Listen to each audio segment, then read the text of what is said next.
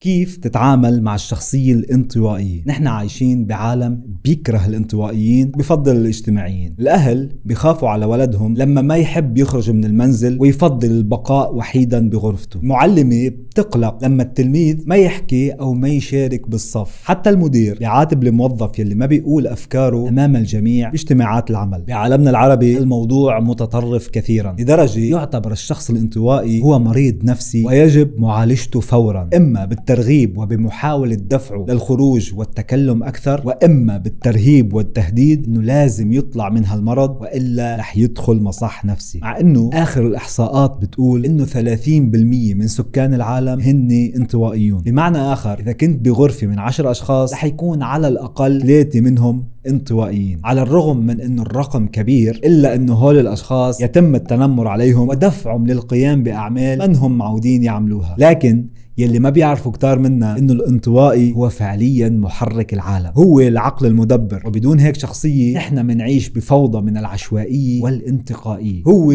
صاحب بعد النظر والقرارات الصائبة بمعظم الوقت. لذلك إذا كان في شخص انطوائي بحياتك فهيدي ميزة وإفادة كبيرة إذا عرفت تتعامل معه بالطريقة الصحيحة. لذلك اليوم رح نتعرف على مزايا شخصية الانطوائي وكيف بنقدر نتعامل معها بالتحديد.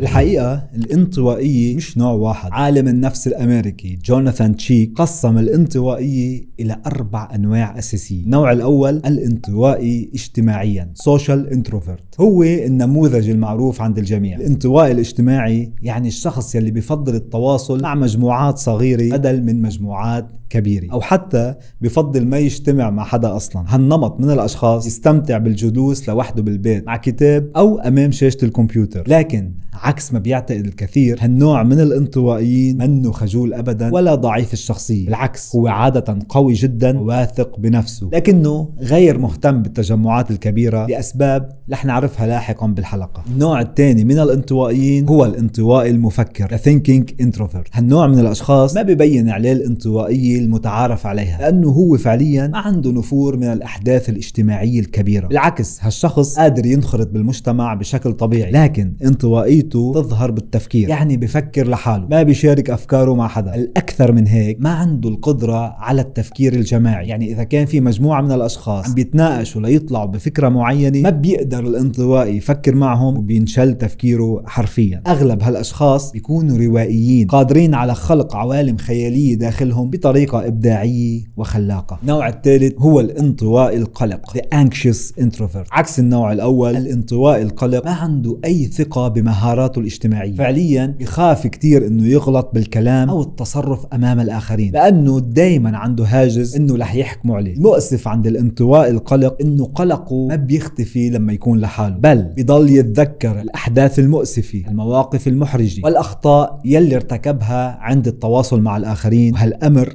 يسبب له ألم كبير وعزلة أكبر. أما النوع الرابع هو الانطوائي المتحفظ restrained introvert. وهو أحد الأنماط المنتشرة بكثرة. الانطوائي المتحفظ بفضل يفكر كتير قبل ما يعمل أي شيء. تفكيره بحده بأخره كتير. يعني بيفضل يفكر بأي كلمة بده يقولها أو أي تصرف بده يقوم فيه. باختصار الانطوائي المتحفظ بيفضل يخطط لكل شيء بحياته كل الوقت. كل هول أنواع تصرفاتها غريبة بالنسبة للشخص الاجتماعي. لذلك بأغلب الأوقات ما بيقدر يعرف يتصرف معها بالطريقة الصحيحة. طيب كيف ممكن تتعامل مع الشخصية الانطوائية؟ على أنواعها. أولا أعطه مجال للتنفس. كل شخص منا بحاجة لوقت يقضيه مع حاله. بيعيد فيه حساباته بخطط لخطواته القادمة. لكن بالنسبة للانطوائي فترة الخلو مع الذات هي مسألة أساسية جدا. يعني مسألة حياة أو موت. لما ينحرموا منها ينزعج جدا. بضيع وبطل قادر يقوم بأبسط المهام. لهيك لما يطلب منك الشخص الانطوائي إنك تتركه لحاله. أعمل هالشي بدون ما تحكم عليه أو تتضايق منه وتعتبر الأمر اهانة شخصية شجع الانطوائي يعبر عن حاجته ليقضي وقت أكثر مع حاله. ما تحسسه إنه هالتصرف خطأ أو منه طبيعي. فتقبله كما هو. لأن الانطوائي متقبل ومنسجم مع نفسه. لكن أحيانا ضغط المجتمع بخليه يفكر إنه في بشخصيته شيء غلط. لذلك ببعض الأوقات بيحاول يخرج عن المألوف بالنسبة له يجرب يكون اجتماعي أكثر فقط من أجل إرضاء الآخرين. وهالشيء يسبب لهم مشاكل نفسية كبيرة. فحتى تخلي الانطوائي يطلع أفضل ما عنده أعطه مجال للتنفس وما تدفعه للقيام بأعمال ما عنده القدرة عليها. اثنين ابتعد عن الأحاديث الصغيرة. أكثر أمر بيستفز الانطوائي هو الأحاديث القصيرة التي لا قيمة لها. مثل لما يكون ناطر بالدور ويجي شخص غريب يبلش يحكي له عن الطقس أو لما يكون عم بيشتري خضار ويبلش أبو أحمد الخضرجي يشتكي من غلاء الأسعار وجشع التجار. كل هول الأحاديث بيعتبرها الانطوائي ما إلها أي أهمية مستهلكة للطاقة ومضيعة للوقت. فبتحسه بده يصرخ ويقول خلص ارجوك اسكت ارحم أم العيانة. لكن بالمقابل الانطوائي بحب الأحاديث العميقة يلي بتحفز العقل على التفكير. أحاديث مثل النظريات العلمية المثيرة للاهتمام كيفية إنشاء مشاريع مربحة أو حتى أفكار عميقة تغير وجه المجتمع. لذلك إذا في شخص انطوائي بحياتك قاعد مع نفسه ما تحاول تسيره بأحاديث سطحية ظنا منك إنك عم بتسليه. بالعكس اتركه ينظم أفكاره لوحده. وإذا كنت حابب تفتح حديث معه جرب استشيره بأفكار ومشاريع كبيرة عن مستقبلك. ثلاثة قدر جهوده. الانطوائي شخص طيب بشكل عام. كونه بيسمع كتير فهو عادة شخص حنون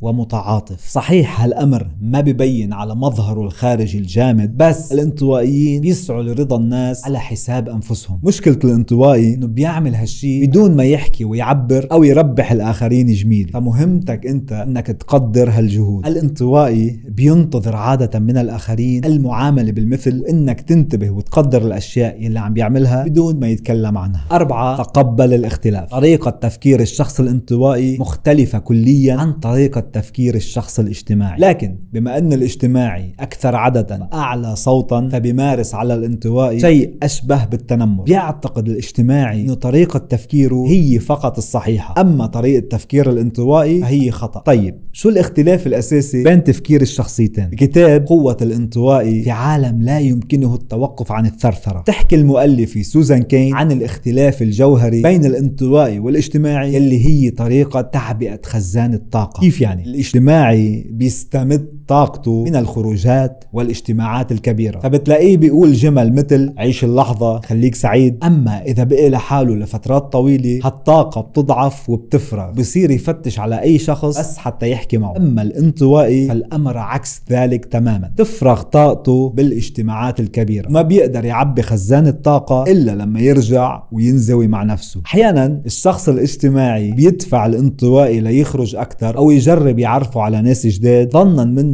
إنه هيك بيكون سعيد. لكن هالأمر بسبب تعب وقلق وتفريغ كبير للطاقة عند الانطوائي. لذلك تقبل الاختلاف بينك وبين الانطوائي تقبل إن طريقة تفكيره مش غلط لكن مختلفة. خمسة اسمع أكثر. انطوائي مستمع رائع. بياخد وقته ليحكي لكنه بيسمع جيدا. أما الاجتماعي فهو عكس هيك تماما. هو شخص سريع بالكلام وما بيعطي عادة اهتمام كبير للاستماع. لكن هالأمر ما بيعني إنه الانطوائي ما بده حدا يسمع له. بالعكس هو بحاجة جدا لهالشي. بس تركيبة عقل الاجتماعي المندفعة بالكلام الدائم تمنع الانطوائي إنه حاجته تتلبى ينسى مع أكثر. لذلك حاول أنت تخصص وقت أكثر لتسمع للشخص الانطوائي. لأن صحيح الأوقات اللي بيتكلم فيها قليلة لكن عادة الكلمات بتكون جوهرية ومحسوبة بدقة. الانطوائي هو فعليا محرك العالم. هو العقل المدبر وبدونه إحنا بنعيش بفوضى من العشوائية والانتقائية. الانطوائية مش عيب ولا مرض ولا خلل عقلي بالعكس هي صفة وميزة من ميزات النجاح. الانطوائية منها عائق بوجه نجاح طفلك بدليل إنه من أنجح الشخصيات مثل بيل جيتس وارن بافيت كورتني كوكس أو جي رولينج كل هول كانوا انطوائيين وفعلا غيروا وجه العالم.